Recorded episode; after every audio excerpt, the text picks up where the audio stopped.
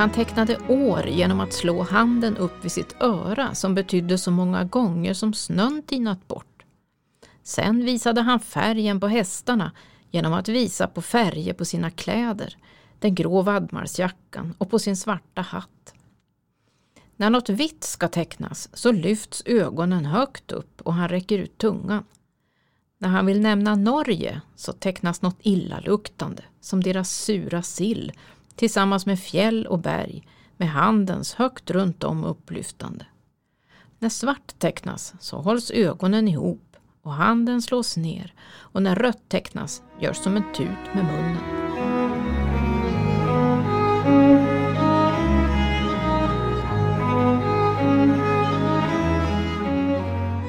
Välkommen till Arkivpodden Dokumenten berättar. Jag heter Jim Hedlund och idag har vi Maria Press som är sektionschef för Riksarkivet här i Östersund. Eh, hej Maria! Nej, men hej! Du är ju min chef. Ja, ja, det stämmer ju det. Ja.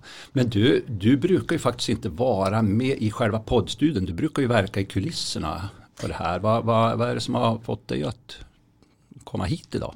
Ja, bra fråga.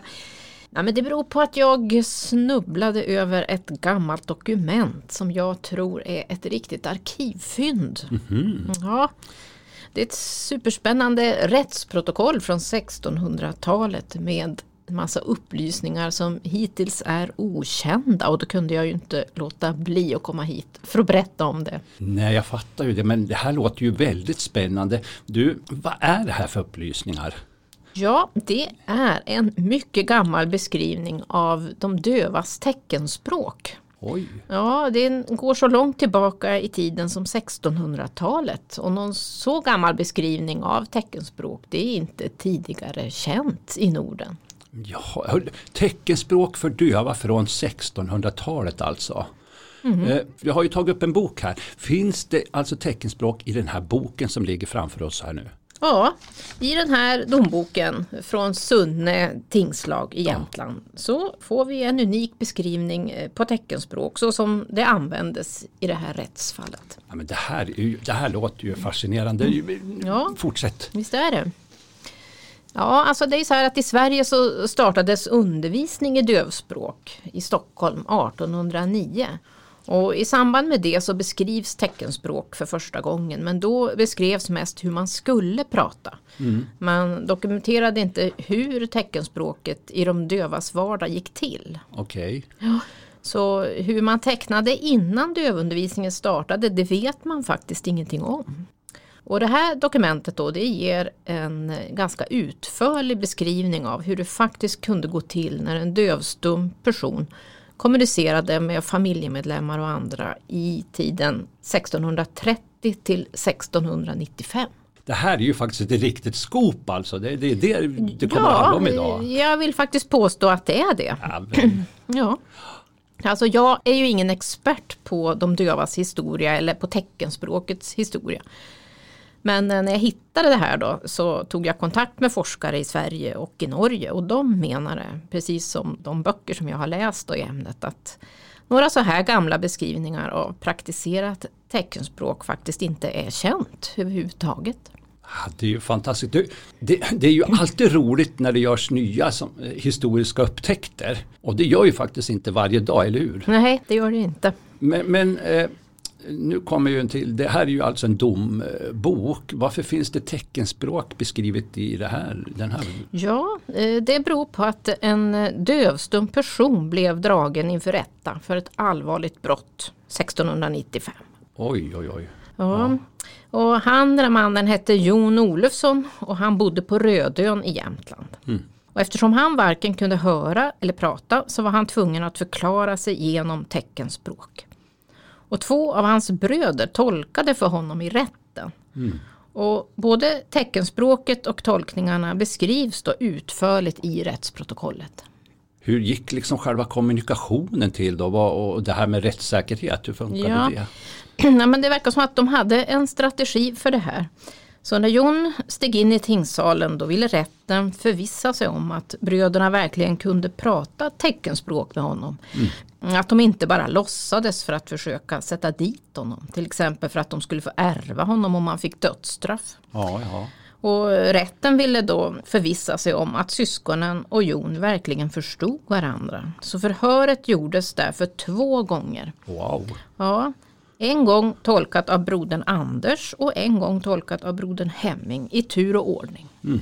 Och efteråt så konstaterade rätten då att bröderna tecknade på samma sätt med Jon och att svaren på frågorna blev de samma. Och det måste ju ha varit en omständig process, eller hur? Ja, ja visst. Och, och det är klart det var ovanligt och 1600-talet det är ju känt, det, det här det seklet då är rättssäkerheten den är ju inte den bästa. Ja det här sker ju nästan parallellt när häxprocesserna. Ja men precis, så är det ju. Det är verkligen imponerande att läsa hur noggrann rätten var med att allt skulle gå rätt till. Trots då att den här Jon hade gjort sig skyldig till ett mycket allvarligt brott. Och trots att han också hade en funktionsnedsättning och på den här tiden så medförde ju det låg status och ibland misstänkliggörande. Mm, mm. Eh, Medfödda funktionsnedsättningar kunde ju ses som ett gudsstraff till och med. Ja. Men rättssäkerheten var uppenbarligen viktig här och det var kronofogden i Jämtland, Lorenz Backman, som ledde rättegången. Okej. Och han kollade också upp ifall Jon hade någon förmögenhet som kunde ärvas och som kunde ha varit ett motiv för lureri vid rättegången. Men han kom fram till att Jon inte hade någon förmögenhet. Nej, nej, okej. Nej, och eftersom förhören i domprotokollet är så noggrant återgivet, eller förhören, så får vi en bra bild både av hur teckenspråket talades och naturligtvis också av det brott som Jon anklagades för. Och på köpet så får vi dessutom en inblick då i hur den dövstumme Jon levde sitt vardagsliv under en stor del av 1600-talet. Och det här det utspelade ju sig i en tid när Jämtland var norskt och sen efter 1645 då blev svenskt. Så det är ett innehållsrikt domprotokoll. Ja men det låter ju som det. Det här är ju... Men du, vad anklagades Jon för då? Ja, Jon anklagades för tidelag. Det vill säga att han hade haft sex med djur. Åh, nej.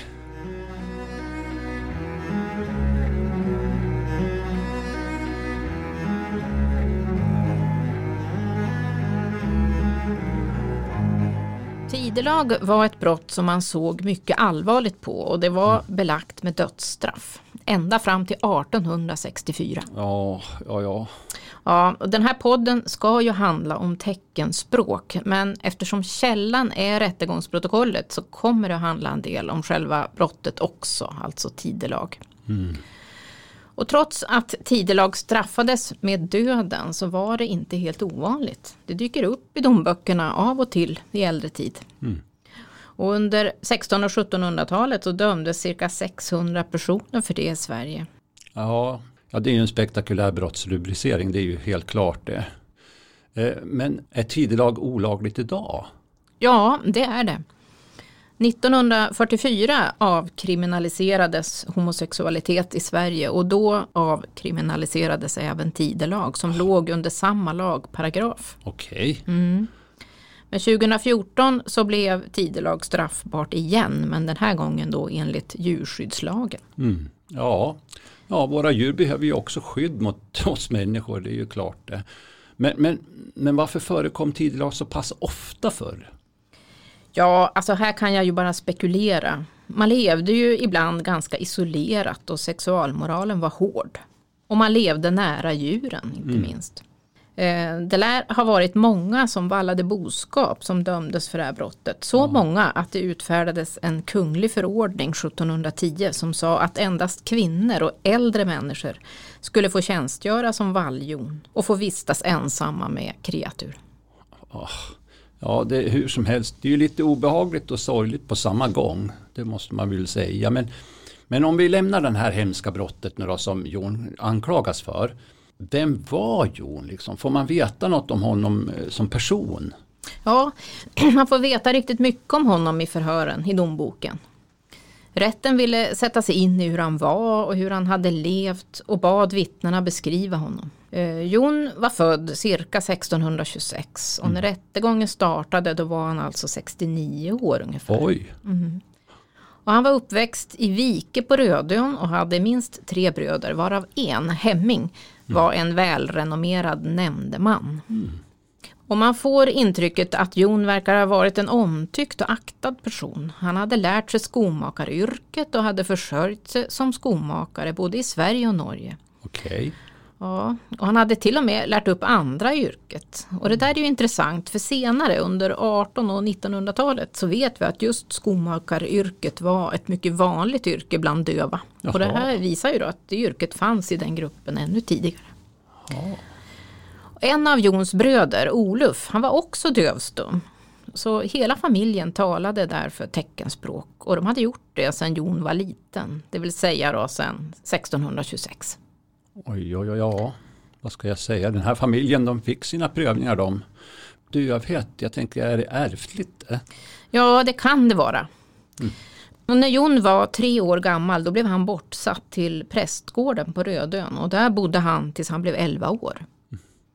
Och i prästgården så där uppskattades det inte att han talade med tecken så han fick stryk om han använde teckenspråk och slutade därför med det. Oj, Ja, och efter åtta år så flyttade han hem igen och då hade han glömt teckenspråket. Men han lärde sig det på nytt eh, hemma igen hos familjen.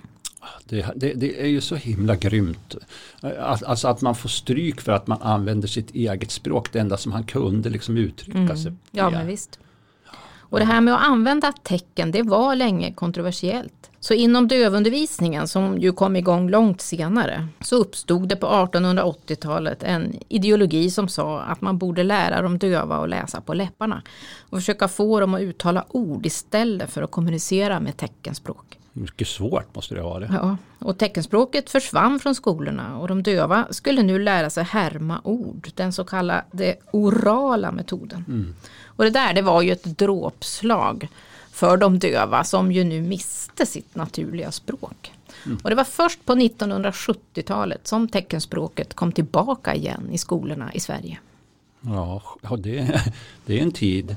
Jag tänkte, jag min, på 70-talet, jag minns ju hur det gick, att det gick ju som barnprogram på tv.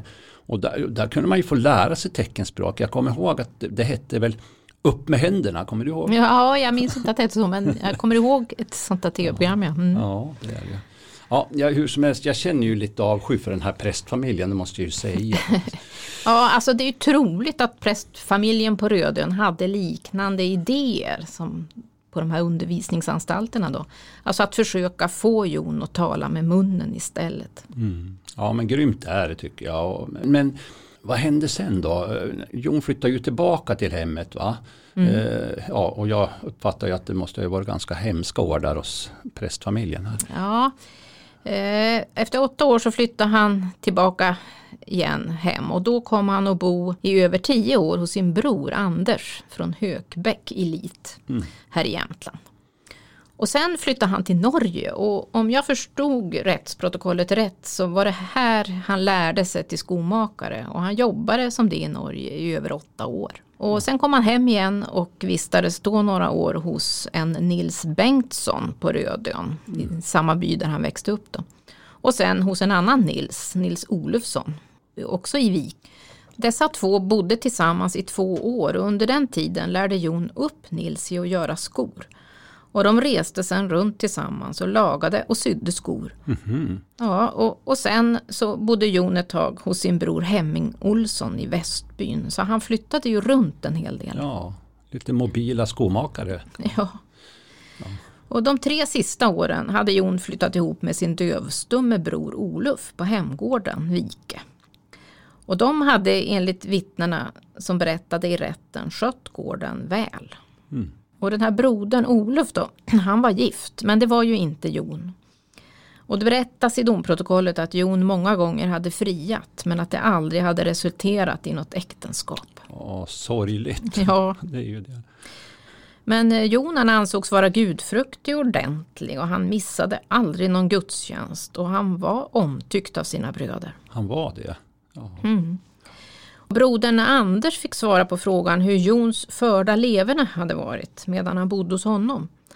Och han svarade då att han aldrig förstått att Jon varit till sådan djävulskap benägen. Och han hade aldrig funnit honom på, som det står, ensliga eller misstänkta ställen. Och aldrig hade Jon försummat någon predikodag. utan ställt sig gudfruktig på sitt sätt. Skomakarkollegan Nils intygade samma sak och sa sig aldrig för hört eller förmärkt honom varit benägen till tidelag eller umgänge med kvinnfolk. Mm. Ja, han beskrivs ju i varje fall av dem som en väldigt omtyckt person, sympatisk. Mm. Ja, visst.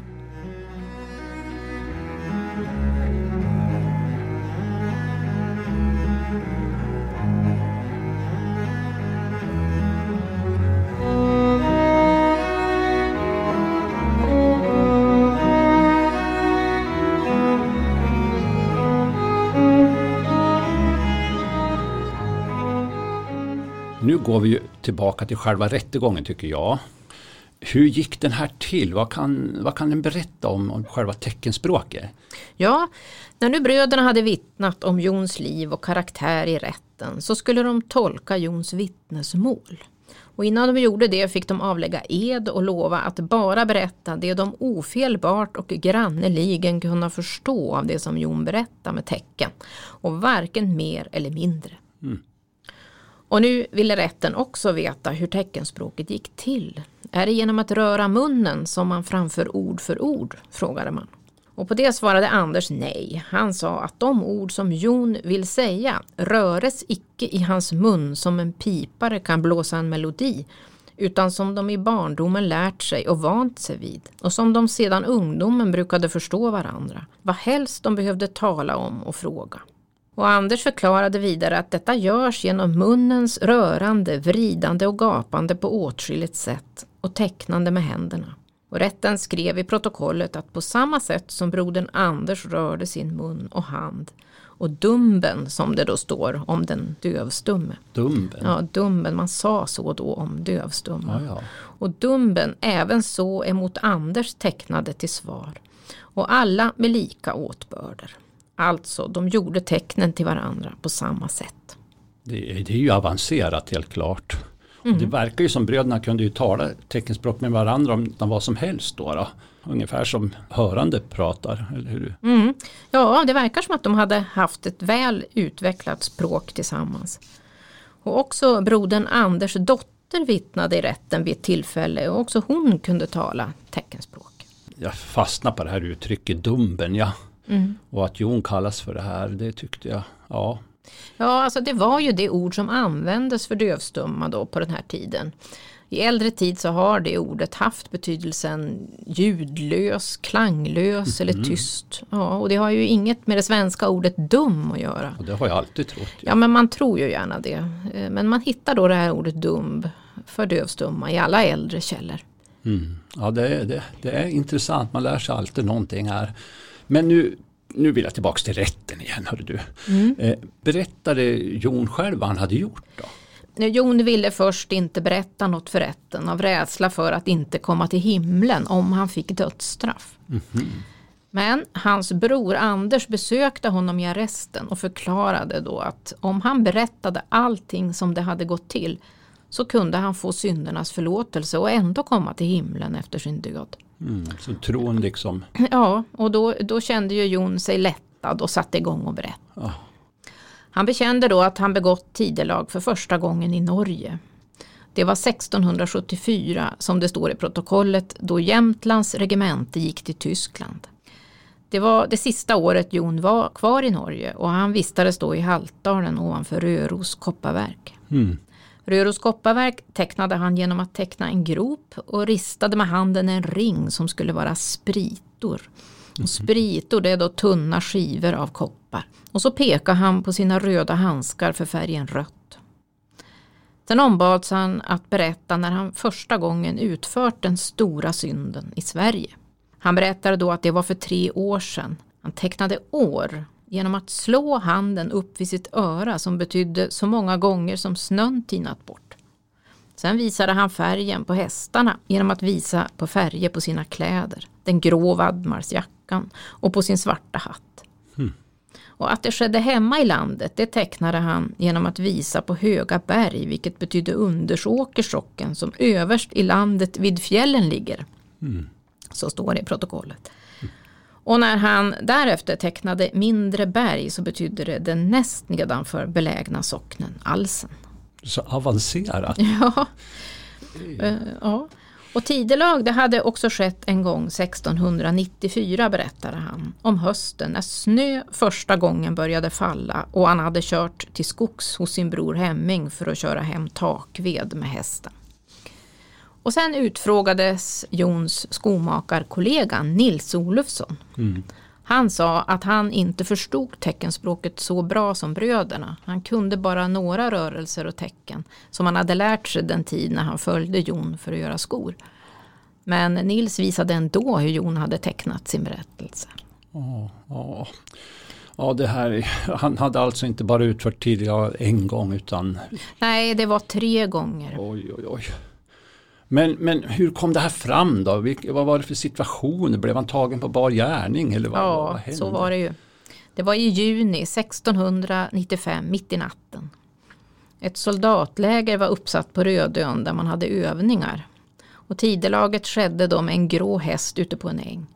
Eftersom Jon var döv så hörde han inte när några soldater närmade sig och han hann därför inte gömma sig. Nej, nej förstås. Och det är knappt som man vågar höra något mer nu tycker jag. Ja, nu följer en lång passus i rätten där nämnden försöker ta reda på om Jon har fullt förstånd, om han förstår allting och om han har levt ett kristligt liv. Mm. De frågade Jon hur många personer är i gudomen? Och då pekade Jon på sina tre fingrar. Och vem haver honom skapat? frågade rätten. Då lyfte Jon upp händerna och tittade mot himlen. Vem honom återlöst att bliva salig? frågade man. Då tecknade han först att densamme varit liten och sedan stor och sedan andades han, vilket betyder Gud den helige ande. Står det. Rätten fick honom också förklara att han brukade ta Herrens nattvard till sina synders förlåtelse och det tecknade han genom att falla på knä, suckande och seende upp till himlen. Och visade hur prästen brukade ge honom sakramenten. Ja, Maria, varför frågar de så mycket om, om han kände till kristendomen? Och... Ja, det var ju viktigt på den här tiden och det rådde redan sedan Augustinus på 400-talet en föreställning om de döva att det är omöjligt för en dövfödda att komma till tron, ty tron kommer av predikan, mm. av det som man hör. Så man var nog rädda för att Jon inte var att räkna som en riktig kristen, vilket i sig ju hade varit ett brott på den här tiden. Ja, det är klart, men... Ja. ja. Nej, så var det. Och sen fortsätter de då i rätten att förhöra sig om Jons möjligheter att förstå tal och hur han kommunicerar. I rättsprotokollet står att när Jon tillfrågas om något så mumlar han svagt och rätten frågar därför om han inte kan tala eller höra alls. Brodern Anders berättar då att Jon kan nämna några ord såsom sitt och sina bröders namn och att han hör lite när man ropar hårt i hans öron. Men ingen mening kan han fatta därav. Mm. Och rätten bad därför Anders att tätt intill Jons öron hårt fråga vad hans namn är. Och Jon svarade då, med full mun står det, Joa. Joa. Joa blev det. Mm. Och sen nämnde han alla sina bröders namn så gott han kunde. Och sist skulle han nämna Jesus. Det sa han rätt, men, det, men eh, det blev Nistus sen istället för Kristus. Mm. Och sen står det vidare då att konungen tecknade han med bägge händernas hållande i sidorna och tecknar som krona på huvudet och uttalar hans majestät konungen som momen. Mm. Ja, och rätten frågar nu brodern Anders om inte Jon skulle kunna prata om han hade haft fullkomlig hörsel. Men då svarade Anders nej och berättade då att Jon rör mun och händer som de lärt sig genom barndomen. Och på allt som frågas kan han visa tecken. Så fascinerande. Ja. Ja, så fortsätter det då och alla förhörda fick nu redogöra för hur de tecknade vissa ord. Så att rätten kunde se då att alla gjorde likadant. Mm, mm. Och ett ord som de fick visa upp var färgen vit. Rätten konkluderar med att när något vitt ska tecknas så lyfts ögonen högt upp och han räcker ut tungan. Eh, vad sa du nu? vitt. Ja, och jag har grubblat lite på det där tecknet. Ja. Och jag gissar på att det hänvisar till snö som faller på tungan eftersom han tittar upp samtidigt. Och det tycker jag var ganska gulligt. ja, det är det ju faktiskt. Ja. Och ett annat exempel som avslöjar att det här teckenspråket har sitt ursprung i Norrland, tänker jag då. Det är att Jon visar antalet år genom att slå handen upp vid sitt öra som betydde så många gånger som snön tinat bort. Mm. Och ett annat roligt exempel som tas upp eh, det är ju det som nämndes i inledningen att när han vill nämna Norge så tecknas något illaluktande som deras sura sill tillsammans med fjäll och berg med handens högt runt om upplyftande. Ja, där, där hör ni Norge. Det är illaluktande Norge. Ja, eh, men det var på inget sätt skämtsamt Nej. menat. Nej. Nej, jag förstår ju det. Nej, så fortsätts det då med det här att gå igenom teckenspråket. Då fick Jon frågan om han vet att hennes majestät drottningen är död. Och här är det ju Ulrika Eleonora som man syftar på, som ju dog 1693. Och Jon tecknade då på sitt kindben, som var tecknet för kvinnfolk, och visade liggande med stängda ögon att predikostolen varit överdragen med svart. Han visade med armarna hur alla klockorna hade ringt, att han hade ringt för sin bror Hemming tidigare och att konungabarnen var döda sen förut, då han också hade ringt i klockorna. För Ulrika Eleonora och Karl den XI, de miste ju fyra av sina söner i rask takt under 1680-talets mitt. Ja, och rätten frågar nu Jon om han tycker att hans gärningar var värda att dö för. Jon tecknar sig inte kunna tänka sådan gärning vara döden värd. Mm, nej, självklart. Men rätten gav sig inte med det här. De fortsatte att förhöra sig om Jons kunskaper om kristendomen. Visste han att det fanns himmel och helvete och att människornas själ är odödlig? Om han tror Gud om nåd och syndernas förlåtelse? Och då suckade Jon och såg upp i himlen, lyfte sina händer och neg samtidigt som han gjorde ett kors på sitt bröst. Som betydde att när han dör ska han komma till Guds rike och tecknar tre personers skuld i gudomen. Oj, oj, oj, oj. Ja, Jon fick sen då frågan om han inte kom ihåg att en annan person i socknen, Abraham Greve, året innan avrättades för just tidelag. Och att Jon såg honom både halshuggas och brännas och att stoet blev dödat och nergrävt. Jon svarade att nej, han hade glömt det. Men kom nu ihåg det och insåg allvaret och som det står suckandes och seendes upp till himmelen och hoppas bliva salig eftersom han bekänt sina synder och de ångra som han med suckande och knäböjande lät märka. Ja, Maria, det här, det här är ju verkligen en stark berättelse. Ja, det är det.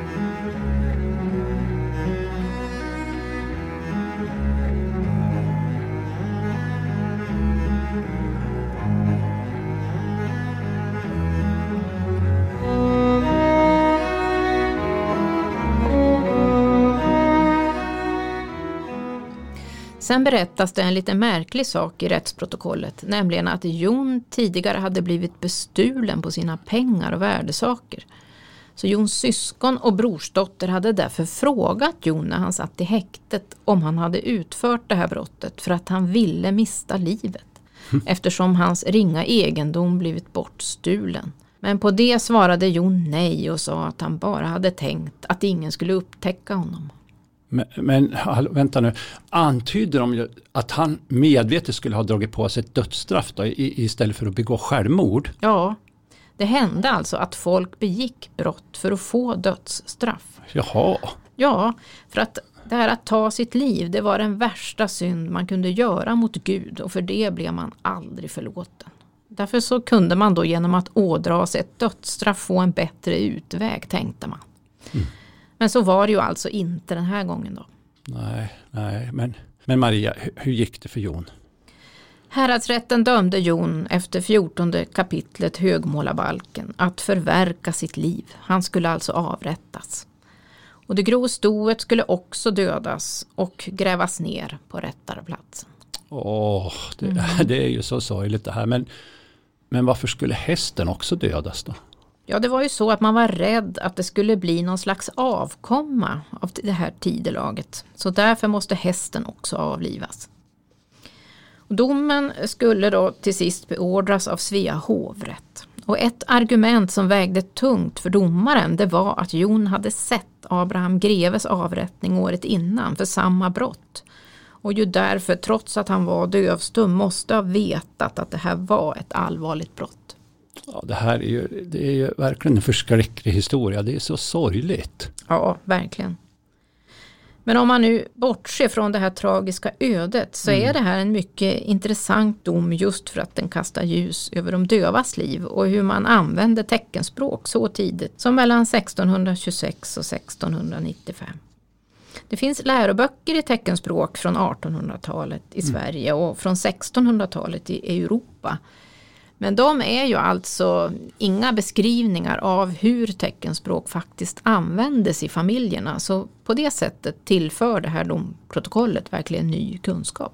Det, det, ja, det är så fascinerande. Men du, det här var alltså ett teckenspråk som bara den här familjen själv hade hittat på? Ja, så var det ju. Man uppfann sina egna teckenspråk i familjerna. Det var det vanliga.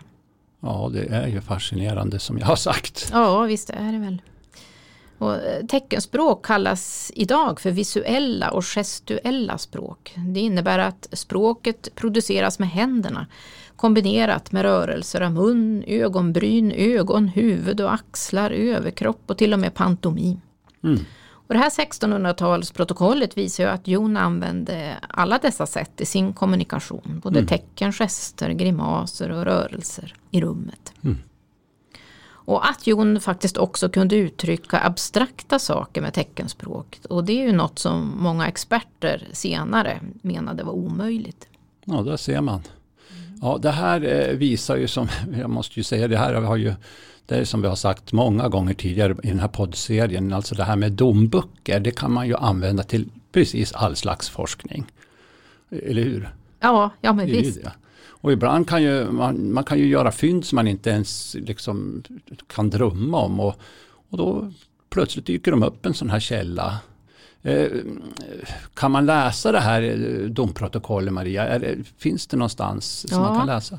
Det gör det ju. Det finns avskrivet faktiskt av Jämtlands läns fornskriftsällskap och de har lagt ut det på sin hemsida fornskrift.se. Bra! Ja men visst, så om man går in där på utgivna domböcker och väljer Sunne tingslags domprotokoll 1691 till 1700 så hittar man det.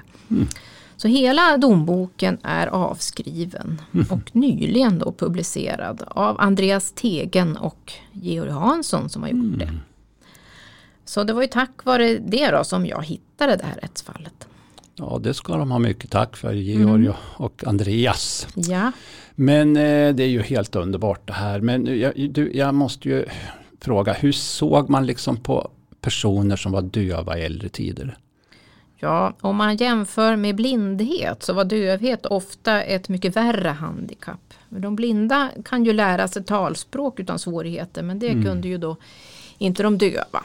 Som därför tvingades växa upp utan att kommunicera med andra människor. Och mm. därför blev de ofta klassade som intellektuellt funktionsnedsatta. Och därmed så fick de i äldre tid inte äga egendom, inte gifta sig, inte upprätta testamente etc. Och den här mm. inställningen höll i sig länge i hela Europa, ända fram till 1500-talet. Mm. Ja, och så fick de väl inte stimuli att kunna utveckla saker heller. Så det, nej. nej. allt var ju inte bättre för det är helt mm. klart. Nej, verkligen inte.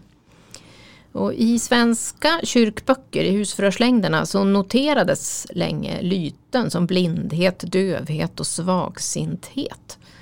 Det har du ju kanske sett. Mm. Och då kan man se att när det gäller döva så får de ibland också epitetet svagsint eller fånig fast de troligen inte alls hade någon intellektuell funktionsnedsättning. Nej. Men, men det är också en fråga jag tänker. Varför skulle prästen liksom notera sådana här lyten i husförhörslängderna? Ja, det hade nog att göra med socknens ekonomi. Man kunde inte räkna med att ta ut skatt av dem mm. med funktionsvariation så det måste noteras. Och kanske skulle de här personerna också komma och ligga fattigvården till last ja. senare. Ja, ja, givetvis handlar det som alltid om ekonomi som mm. vanligt. Men eh, hur kunde man ju klara sig liksom som döv eller dövstum förr? Ja, ofta fick de då bo hos något syskon efter att föräldrarna inte längre kunde ta hand om dem. Eller så hamnade de på rotegång, alltså att de skickades runt hos bönderna i socknen för försörjning. När det gäller döva och andra med lättare funktionsvariation så var det, som jag sa tidigare idag, inte ovanligt att de kunde försörja sig som just skomakare eller andra hantverksyrken. Till mm. exempel skräddare. Ja Maria, så, så Jons liv det var ganska typiskt då? Att han bodde hos syskonen och försörjde sig som skomakare? Ja, precis. Jaha. Men det här med att undervisa döva och kommunicera med tecken då? När börjar man med det och, och ja, hur såg det ut i övriga Europa? Ja, det har funnits olika försök att undervisa döva genom historien. Det har alltid skett i mindre kretsar i privat regi. Den första allmänna dövskolan i världen startades av en präst i Frankrike på 1700-talet. Mm -hmm. Och då var motivet att se till att döva barn skulle kunna bli riktiga kristna och slippa förtappelse. Och då mm. måste de ju undervisas i kristendomen. Självklart. Ja, visst. Och han, den här prästen, då, han undervisade i teckenspråket. Men det gick inte så bra eftersom det var de döva själva som hade utvecklat teckenspråket. Och det var ju svårt för honom som hörande att undervisa i det.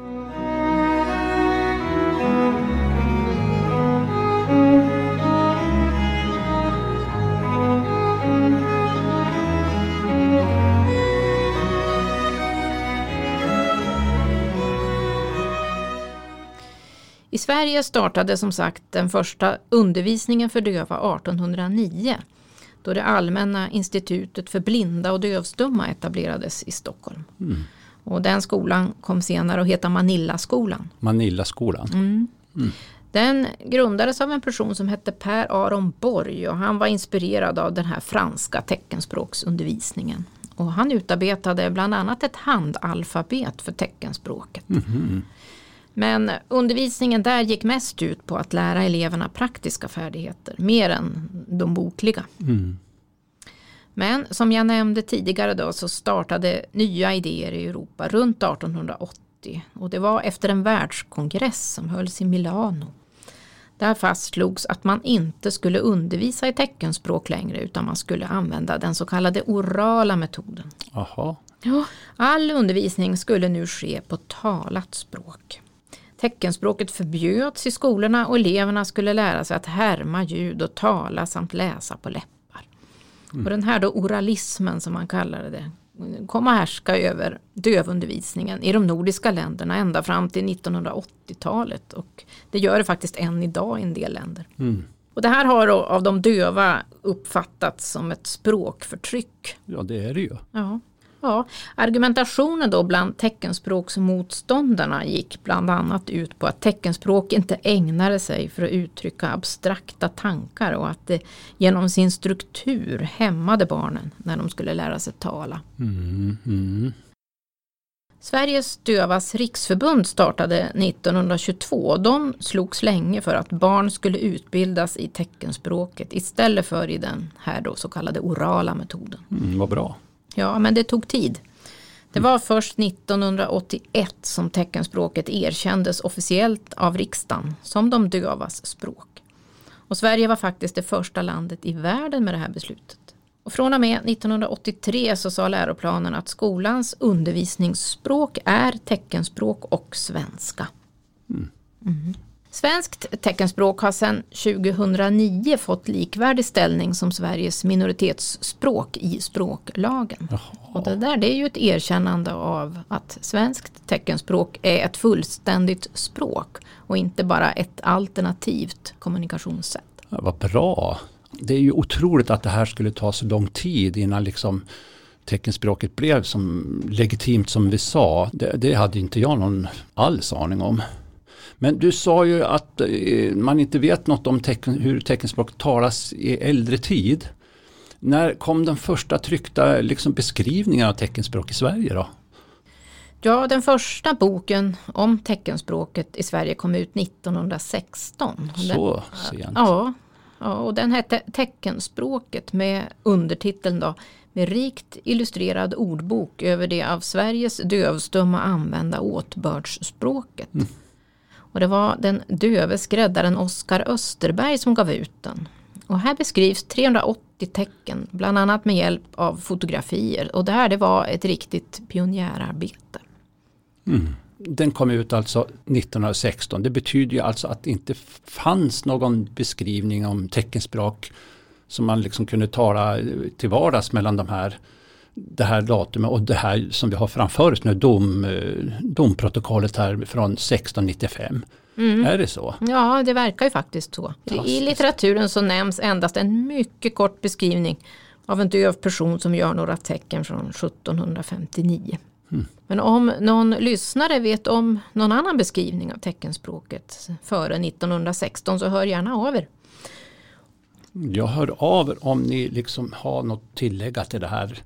Ni får mer än gärna höra av er. Och så, jag tänker på en sak till här. Eh, det, det, är väl dumt att göra en podd om ett ämne som är speciellt intressant eh, för de som inte kan höra Maria. Ja, egentligen är det ju väldigt dumt. Men vi gör ju avskrifter av alla poddar och lägger ut dem på Riksarkivets hemsida. Mm.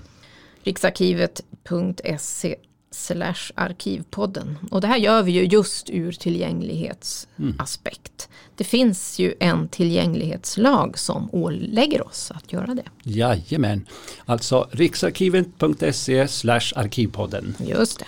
Ja, Ja, Maria, det här var ju så intressant och att man får sätta sig in i teckenspråkets historia på det här sättet då. Och även om ja, den här historien om Jon då var väl väldigt sorglig och gripande. Men, men Maria, du ska ha så tack för en, en jätteintressant poddavsnitt. Ja men tack själv. Ja. Det var ju väldigt trevligt att få vara här och att få dela med sig av den här historien. Mm. Man vill ju gärna det när man hittar något sånt här rafflande, vill man ju dela med sig. Ja och det ska man ju. Folk måste ju få veta lite. Ja, eller hur. Ja, och om man är intresserad av att se det här domprotokollet i original, då finns det naturligtvis här hos oss på Riksarkivet i Östersund. Och man kan komma hit och sätta sig på läsesalen och läsa det. Ja, det är ju perfekt.